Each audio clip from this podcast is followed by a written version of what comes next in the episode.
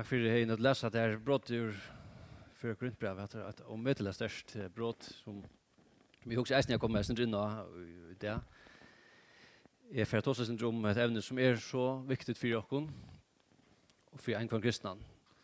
Tøtningen av oppreisende, oppreist kristusar, det er den helt, helt sentrale læreren uh, innenfor kristne runna. Vi tar 104 tilvisingar til oppreisende og i nødvendig testamentet bare, og omframt en en øyla rykve av, av tilvisningen myndalige i Gamla Testament. Dei og oppreisningen, deian har vi minst her, vi brei og vunne, og oppreisningen, de kunne ikke sunderskiljast. Og det er faktum at de hører saman, og til sammanhengande evangelium, at Jesus han døy ikke bare for okkar synder, men eisen at han reiser opp for bergokk skifta bara. Och till nästa vers uh, som som uh, som säger akkurat som som är i nästan brotten här och han nu läser här inne faktiskt upp att det verkar det som är helt helt helt, centralt. Är ungen uppresten av dig Ja men så är heller inte Kristus rysen upp. Och är Kristus inte rysen upp så är pratar jag att home och så är trick tycker att home vi. Det är purast av meningslösta som vi studerar här visst inte är en värdig uppresten. Og i ølter hava kristne, kristne, særlig om porsjonar, de hava helsa hver nøyre vi sier, han er risen, og så sverre han inn etter, ja, av sonnen han er opprisen. Og jeg hadde vel lært Paul okkom for noen grader siden, ja, her i Lutne, halda på Paul Godsen som brev på at her, vi har haft han nesten hver i postur i noen grader, at langt sida, han er risen, ja, Um, jeg skal virkjenne til at uh, er selv en skeptiker da det kommer til, til uh, ivnaturlige hendinger. Og jeg er faktisk, um, jeg har en inbyggd av skepsis. Og da folk sier at jeg vil være grøtt fra sjukken og tullukt, så er det ikke til at jeg ikke trykker det som folk sier, men som utgangspunkt er jeg skeptisk og vil gjerne så jeg pregfyrt. Og vi jag alltid tyckt några sådana olika tester, personlighetstester sådana i samband med läslighetsutbyggingar och forskjelligt sådant. Och senast då jag var tog en sån läslighetsutbygging så så tog en sån test och här var en sån psykolog som skulle ge mig återmelding på vad den testen säger och det. Och jag är så man säger var hem och skepsis som som självan som självan det hejer och och jag säger vi att psykologen Arn Arn hon framlägger uslutna firma, så säger att Ja, jeg har gått nok tid til å der, og, men skal vi se der, hvor er halvdelen at det? Jeg er skeptisk i fyrir at det urslut er rett. Og, og jeg, jeg grunngav som Gjøtla hvor helt ja, og, og det er helt det var øyelig god og sammenhengende argument. Men, men uh, til små sier sånn, å ja, da Eva Liver sier mye, så sier han, det var veldig interessant som du sier, Den testen som du har tidsi her, hon viser at du er natur en skeptiker som ikke hopper på hva som helst på denne veien. og så måtte jeg sitte her, så nypen, så, ja, så var han ganske ikke bort den testen allikevel. så, så jeg måtte flende litt med sjolvun, og, og vi kjenner at ja, ja, hon er ganske fett utdratt allikevel. Men som sagt, er det er grunn til hoksan at um, vi tar eisen fyrir høyde hoksa vi, og, og god og givet dere til og det er alltid eisen man skal inn i de andre løsene. Og tar man så høyre om nekva frasakner om i London at, at jeg har vært fotmerker, har vært inne og har vært inne i samkommen, og har finnet folk hoppe på et eller annet og har finnet folk å fylle seg her og til å sekter og vi har vært til mølgen, læresetningen, så er det eisen som styrker min skepsis, sier for, nei, de blir ikke, de blir ikke hoppe på hva som helst, bare for det mange sier til. Um, men vi opprestene, det er sånn henting som er den ultimativa ivernaturlige händingen. Det er ikke mer ultimativt ivernaturligt enn det. Um, vi er uh, Öll er bunden av deianon. Vi er oppbygd av kiknon, og kiknon er ter deila seg og dodja. Og så, les, oppstend, så fungerar dere lipka lika, og for så vidt alt som lever her og gjør. Ta, ta, blir til, ta, celler spretta seg, byta seg, og veksa og dodja.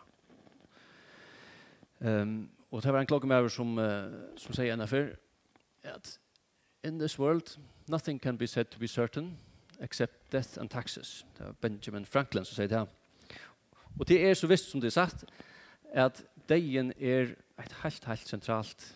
Det er et faktum i okra løyve. Vi slipper ikke undan døy. Guds vi så, guds vi ikke venter. Så det mest ivnaturlige, ekstrema ivnaturlige hendingen til er å ryse opp fra deg. Men hva kan jeg som kristen så være, være det er så viser en sånn ting som er så ivnaturligt. Og så særlig vi, vi minner bagasje, som, vi skeptiske bagasje, hvordan kan det så til? Det er det som jeg også sier at, at, at siden noen år av morgen. De første kristne var de godtryggven folk, var de folk som hoppa vi på en og hver gåa søve som kom fram vi fram vi i mestre. Var det noe til? Halt ikke. Um, Paulus skriver jødar kreatetjen og grikkar så er visdom. Det vil si, her vil eisen en, en god porsjon av, av skepsis ja, i systemen og nærse dæmene. Og, og det var nek som ikke tro i oppreisene. Paulus, eller apostelsøvann skriver om hvor vi hilte utrolig tikkere mittelen er god reiser opp deg. Det var um, um, at det er Paulus som sier at og, og de som tog vi trygg. Det gjør det ikke bare tog at dette var en, en god søva som kommer vi. Det gjør det under en vekt av prekvån som var lagt framfor deg. Ikke bare tog det var man sier, ålært og ignorant eller god. Vi fått nølt. Selv om vi er visendelige kommer nekk langere enn en det var ta. Så vi kommer skilja naturen bedre og bedre.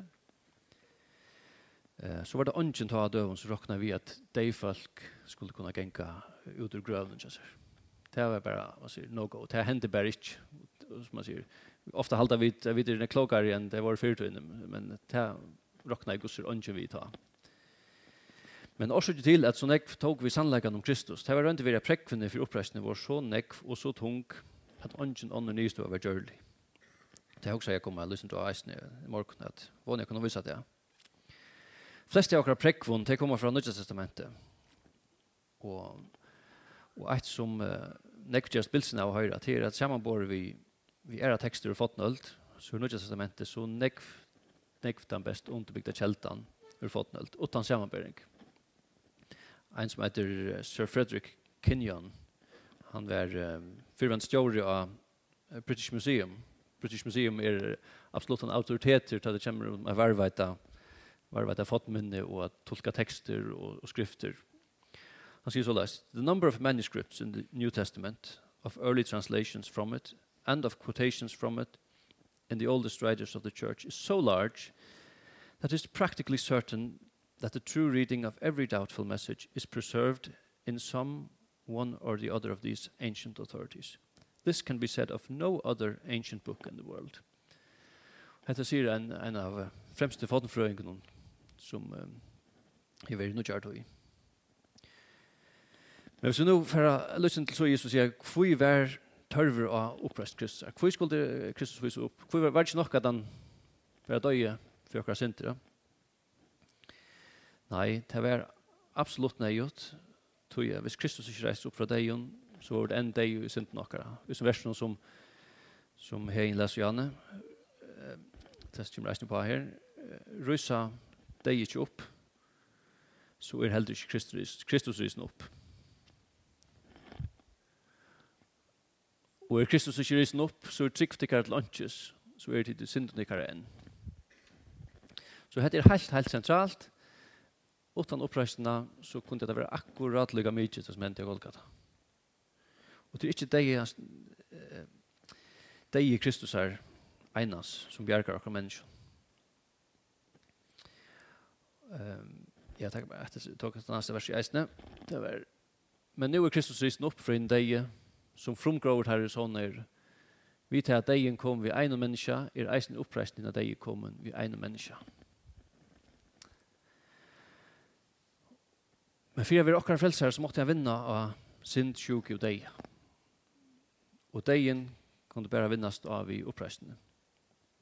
Kristus var heilaver og syndafrøyer, og degen hei verlega onga makt hon. Så det var ikke gjørlig til degen halte han først. Kristus tog seg sjølver om sin oppreisen. Og her er en noen vers om det.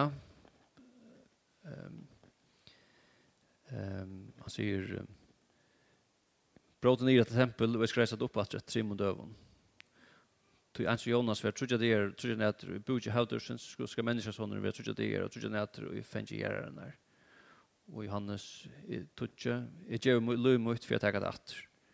Og Matteus 16, For at her tog byrja Jesus å gjøre lærersveinen sin kunnet, at han skulle fære til Jerusalem og loja nekva den eldste og høvespresten hon, og henne skriftlærte, og vera drypen og rus opp at det tria deg. Og Matteus sier han, sier at de skulle drepe han, men tria deg skal han rus opp at. Ja, det var det nast så gjeldt, ja. Og, og eisen høvesprestene hadde hørt han sier etter, ehm tar sjón oss Pilatus og satt vi en satt herre og kun kommer ho at hasan vitleiar seia at mean han en levde etter trutja det är så opp. Det er altså boskaperen om oppreisene, han var eisende kommet for ørene og at han noen skriftlærte og fariserer. Ehm ja, men det har som sagt, så er han øyelig rikva tilvisningen till oppreisende skriften och om det inte skulle passa som ständer här kvärt kan förklaringen så vera. Ja.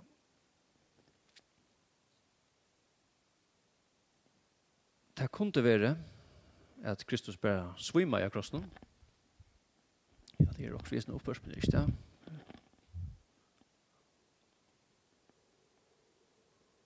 Så, så. Kanskje svima i bare krossen, og rakna i vi at han var, man skal komme inn i seg kaldt og svalg i grøvene. Ja Men uh, men kvar kvar så alltså kvui går det till att lärarsvänner var så visar utan vad det är. Här börjar ju över grövna och och går så slapp han så fram vi Hermann. En annan uh, folk fråga det var att lärarsvänner stjäl lika med för sina påstående att han var upprisen. Det var ju det som som uh, högsprästarna satt i att och gå i vakten och pengar för att jag påstående. Men hur ska det till att att inte likam man ska kunde framvisas och jag kommer nästan att jag får ju ta inte en en en god förklaring. Lärsvännerna tar kunde haft hallucinera alltså imynda sig att det säger Jesus och att upprestningen var fram. Ehm um, Men Guds till til at lærersvennene vår tredje at sikva tog at Jesus var risen opp, tar han var risen opp at han kom til der, Guds brøst til at han at her i stjod, hvis der, hvis der høyde langt seta fyrir seg. Der ble vi jo i raska er, så der så Jesus. Ja. Og så visst så er det, er det eh, ofta folk vi, man sier, løvlig, løvlig fantasier som, som eh, hallucinerer. Och vi sitter her det är Peter, en, en herre fiskmøver, Thomas, en skeptikere, och Matteus, en avbalanserad över uh, skatteinnkrevjere, Hetta var ikke akkurat typen som fer upp og flaxa og hallucinera og umynda seg ting. Og herframt så er hallucinationer ofta hendingar som er vanta är og som man ser fyrir seg. Og ønskene lærer seg vanta er, så sier Jesus atter. Nei, jeg var en øtte i byvan og ovissa. Det var helt jeg skrev i nei, fortsettene for hallucinasjon. Og et, jeg sier at det er vanlig å hente hallucinationer over lengre perioder, og anten veksa eller minka i styrke. Men Kristus viste seg jaunan for lærersvennen i periode på fjørde dier, og så stekket det knapplige. Ta fjørde dier, det var det minnes vi, minnes vi jo høstdagen, da i ta i Kristina fyrir det vi var.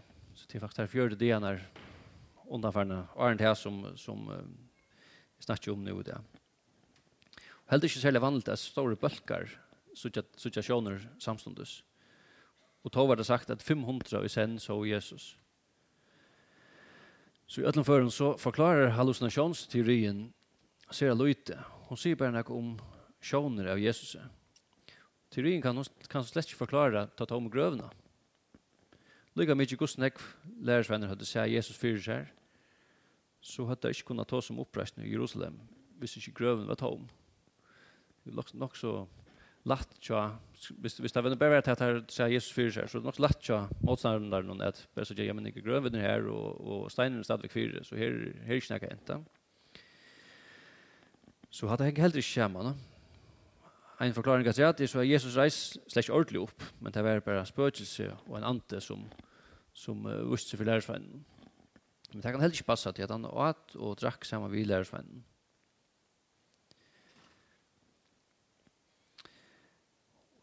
en forklaring kan så eisen være at, at søvann om oppresten av Bersver og isbunden av, av lærersvennen at han var.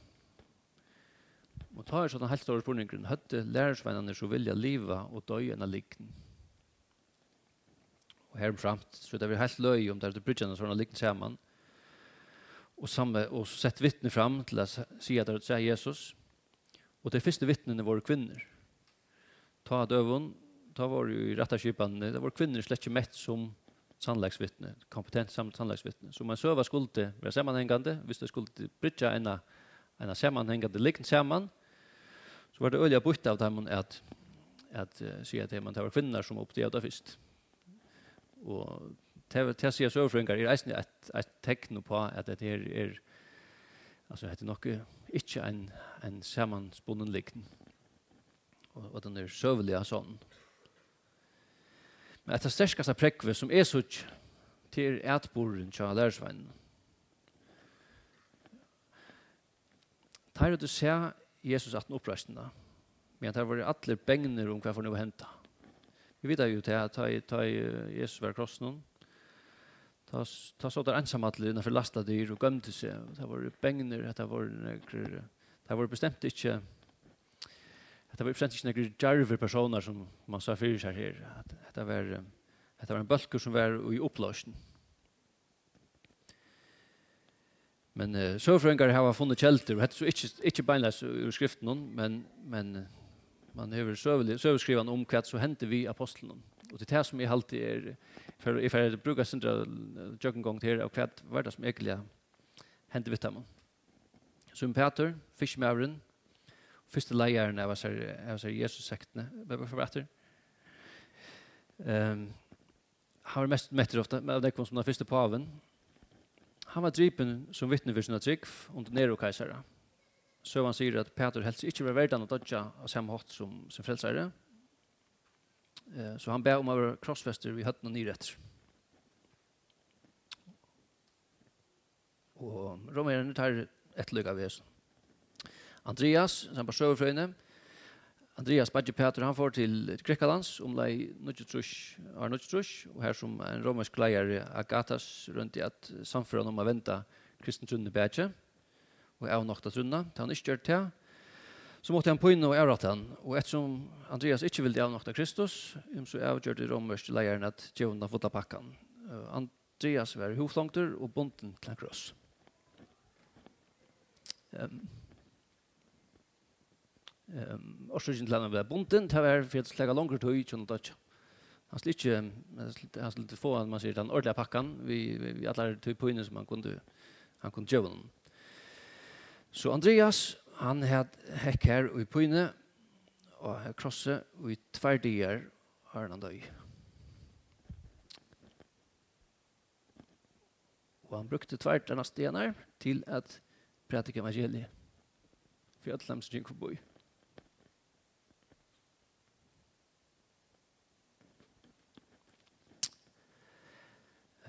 Jakob, son Zebdeus, han var driven i Svøre, det er sin apostelsøn i Det var noe guvernøren i Judea, Agrippa, som sier at han, han vil gjøre, gjøre seg vel vid uh, romvener, ved at forfylse noen leier, og noen sektene.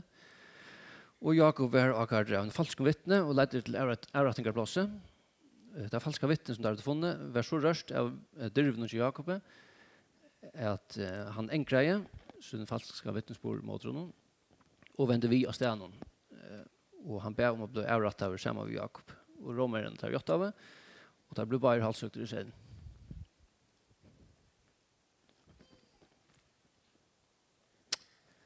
Um, Johannes, han var så enda enda som ikke døg en ekvislig deg, han døg som en gammel med av Patmos, vi er lei og hundra. Filip, første lærersvenn Jesus her, han får en misjonsfyr rundt i Asia, og enda i Egyptalandet, enda sånne der her som fangslaver, hovflongter og krossfester, vi har forhold trus. Bartholomeus, han predikar evangeliet i flere London og i i India, her som han omsetter Matteus evangeliet for dem tryggvand. Et en av frasøkene så var han boka av krossfester, men en annen frasøk sier at han fikk hodnaskrattlei av mena av livande, og så ble halsøkt.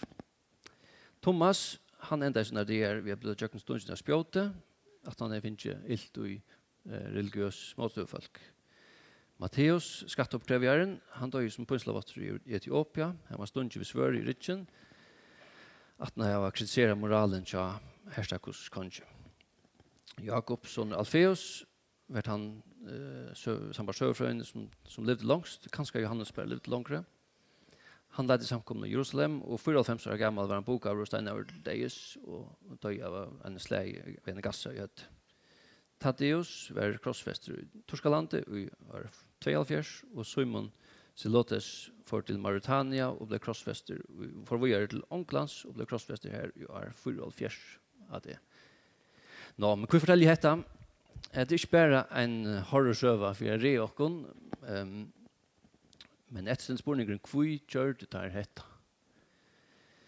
Og det er, men det er så skynande såla klart, at her må heva seg Kristus opprystna. Hvis det her ikke hadde seg Kristus opprystna, og det her brukte alle sunna tøy og sitt liv oppa at bo et evangelie her, som det er lysium, og som, som heinas leta kapitlen her som Paulus les, hvis det her fyrir av strumt atlen til tagjant heimnum, einsamadler og blive forfylter og blive punter og døye øyla punfulla deir, deir, deir, Um, det hänger ju samman. Fotmäkare som nämnde Johanne, där som, som man, man hör om, som fär in i sekter och, och få några ett Det gör det ganska tog att för att uh, få personer på sjur, antingen pengar, eller för att folk att fylla sig, eller status, eller, eller ego. Um, det händer eisen jaunan, vi vet har folk som uh, oss sitt liv för, för ett landa. Det kan vara folk som onker vil verja djårene, onker sjølmorsbombar i pus som heldur enn han gjerra ratta. Det er så jeg vet flere og av. Um, Hese Tryggva, jeg var lest fullt og fast på at jeg gjerra ratta. Og onker heldur som mulig har finnst en oppenbering eller se sjåner fyrir seg. Her snøver begynner med gjerra ratta. Men her har vi den bølka følge. Det anten passar det at at det høyder seg Jesus opplysnan, eller det er ikke.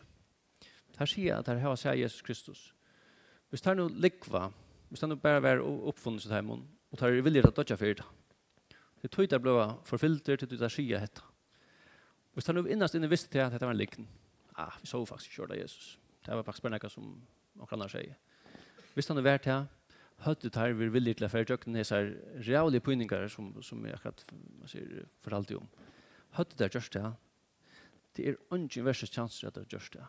her. Så hadde vi så øyelig lagt til heimen, som minnes til at det var ensamheter. Det var ikke en bølge, det var ikke en bølge trusht. Jeg skal si, vi må alle holde sammen på søvn her, at, annars kraklerer det til. Vi må alle, alle være punter sammen her. Nei, en var i India, en var i Egyptaland, en var i Torskaland, en var i Grikaland, i Jerusalem og England. Alla mødelsene, det var spjatter rundt, det var pur ensamheter. Det var det nemmeste seg i verden til dem, er at bara man ser helt låg profil och man ser färg på pension i India eller angsta som det var det helt, helt låg en profil och inte, inte snackas något om att det är att det som hänt i Jerusalem.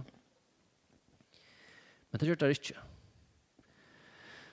Så i halde at det her er, er så omedelig størst prekk for hva det var det som, som hendte, hva det hadde jeg sett. Kan jeg neste slide nå? Men hver så så Jesus opprasten? Vi har, har beskrivelse i skriften om at det var rettelig nekk folk som så Jesus. Maria Magdalena var det første, og tver kvinner, som forsøkte lærersvennene fra. Det var Peter, det var lærersvennene av Vetla Emmaus, det var han visste seg vi tog lærersvennene, og så Thomas i Eisne. Og tjej lærersvennen var i Galea-vattnet, etter lærersvennen av fjallene, og fyrir Korintbrev skriver at han visste seg for over 500 brøren. Og fyrir Jakob, Eisne fyrir brevet. og lærersvennen av Fjallen, Vipetania og Arna for Limmals. Og at se at her som vittnesboren, det er jo rymlig nekk folk som har se det samme. Så i en og hver, en og hver argumentasjon vil dette være mer enn rydkjellet av, av vittnen. Men her ser jeg at det har vi sånne rød av øren prekvån. Tantoma tog grøven, Ja, om, om lærersvennen hadde stålet ligga med, ja, men så er det ikke bare så vi bilsner som, som vi så vet det ble. Innsiklet steinen noen. Innsiklet steinen noen var det offisielle romverske innsiklet, og tog var lujtje til Jesus, det var liksom åkken til rom. Og ånden tar det at gjøre næka vi et innsiklet, et romversk innsiklet. Steinene var utlavet borster, grøven var jo atelaten ved en stor stein, kvinner hadde ikke klart flott steinen selv Du tar tås av nemlig om at det er ikke klarer flytte steinen. Um, men steinen var ikke flottet for jeg lovet Jesus ut, men for jeg lovet lærersvennen inn, for jeg kunne, at jeg kunne vottast, det som, som tjekk fyrs. Vaktene det var resten tikkene av bålet, Høvdsprestene tar var ikke bøytere, så tar sette vakt for grøvene, for at lærersvennen ikke skulle stjele like med, og så gjennom komma på påstand at det ja, nå er Jesus opprysende. Så tog det det hade för sig att det här hade skulle det gå så mycket. fänger det ska vara banden här. Så tar så tog det hänt att Angelo kommer och läser i borster så går högsprästanden hem vaktar mannen och bara pengar för jag ser att att lärarsvännen stjäl lite med så. Och tar det att det är som väl ja hötte lärarsvännen nu vi villig til at jøkken gynge alt det som det er for jøkken. Hvis han visste det, at her er det veri er mitt møtten åtten og tidsja til Luigi og gømta. Og så jag det høttar vilja liva enn av likten og etter å leve en likn, men høyde vil jeg døy og vil punter finne likn. Ekkelig, ekkelig og. Ja, lika med med borster. Høyde reist så, så han trobleggen. Hver så lika med nå. Hvis lærersvennen ikke stjål det, hver gjør det så. Om det var noen annar, til å si høysprestene, så er det vel lett til at heimen at kom fram vid lika om noen graderer settene. Det er lærersvennen når langt bryr jeg i at jeg påstand at nå er det skjer Kristus. Ja Så jeg handa her vi lukka, og tro vi tja Jesus-sektene hei vi null. Tom og grevkleiene til og etter. Eisen er prekv. Men at det er som en nyast her, ombrøtt til lærersveinlander. Så hitje etter hvordan her våre som bølger har en oppreisende. Det var en bølger som var spjatter, det var for fjonar, det var Jesus blev krossfester, det var ferner kvørsene att, og det var det var bengner og åsikrer, det var Hetta var en en en rörsla som var totalt utsplitt tog att det var där där vi skvätt där var disillusionerat där vanta sig att att Kristus nu skulle kan gå åtta och leja till till en syr och för om vänner bläcka er hus eller det var en helt annan som där så för sig så det var en totalt disillusionerad av bulk men det händer ett landa som bröt där fullständigt Bæði skeptikaren, fyrstmannen og en flokk av pura vanlige folk. Hva er det Eh i Jeg underviser några timmar i statistikket. Og her er en metode som vi som brukar at man skal testa påstander som ikke beinleis kunne prekvast. Man setter en sånn enda null hypotese opp som er det øvete av, av de påstandene som man eh, som man uh, vill veta om man passar. Och så prövar man om man kan attvisa nullhypoteserna. Eh, så här som förrän så är passande värre att vi passande Jesus reis upp dem dig. Och null, hypotesen är så Jesus reis inte upp, han dör inte. Etla, Jesus reis inte upp, eh, Luigi Vestiole. Ehm, etla, Jesus reis inte upp, lärarsvennan är eh, stjål Luigi. Men alla hesa er nullhypotesene som nu har haft jøkken gjør, det er alla attervurster. Og tar så alla attervurster, men så stendte det eneste troverdige hypotesen etter. Og det er Jesus reis opp.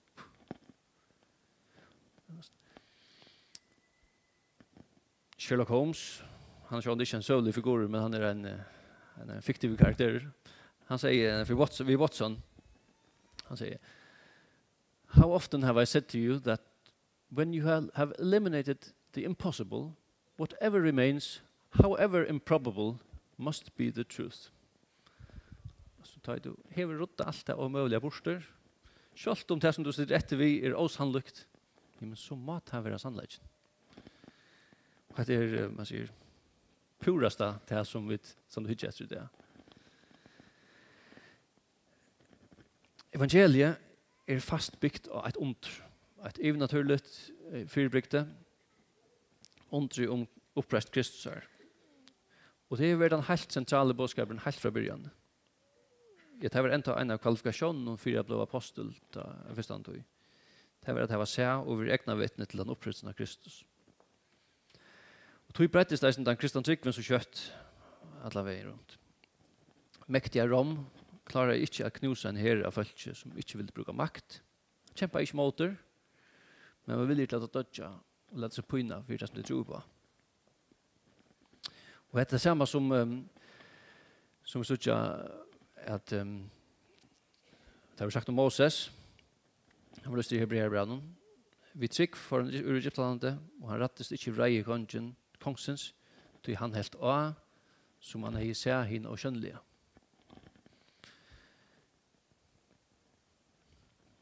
Anna Korintbrev sier, «Tyk karlaki Kristus er tvingar okkun». Vi tar jo dømt så ein deg fri ødel, så er det ødel deg. Han døy for, fri ødel, for at de som liva, skulle ikke liva for seg sjolve, men for han som deg er og opprisen er for deg. Og til tog er at vi i morgen, vi dyrve kunne sija, han er opprisen. Opprisen. Ja, sannelig han er opprisen. Takk for i morgen.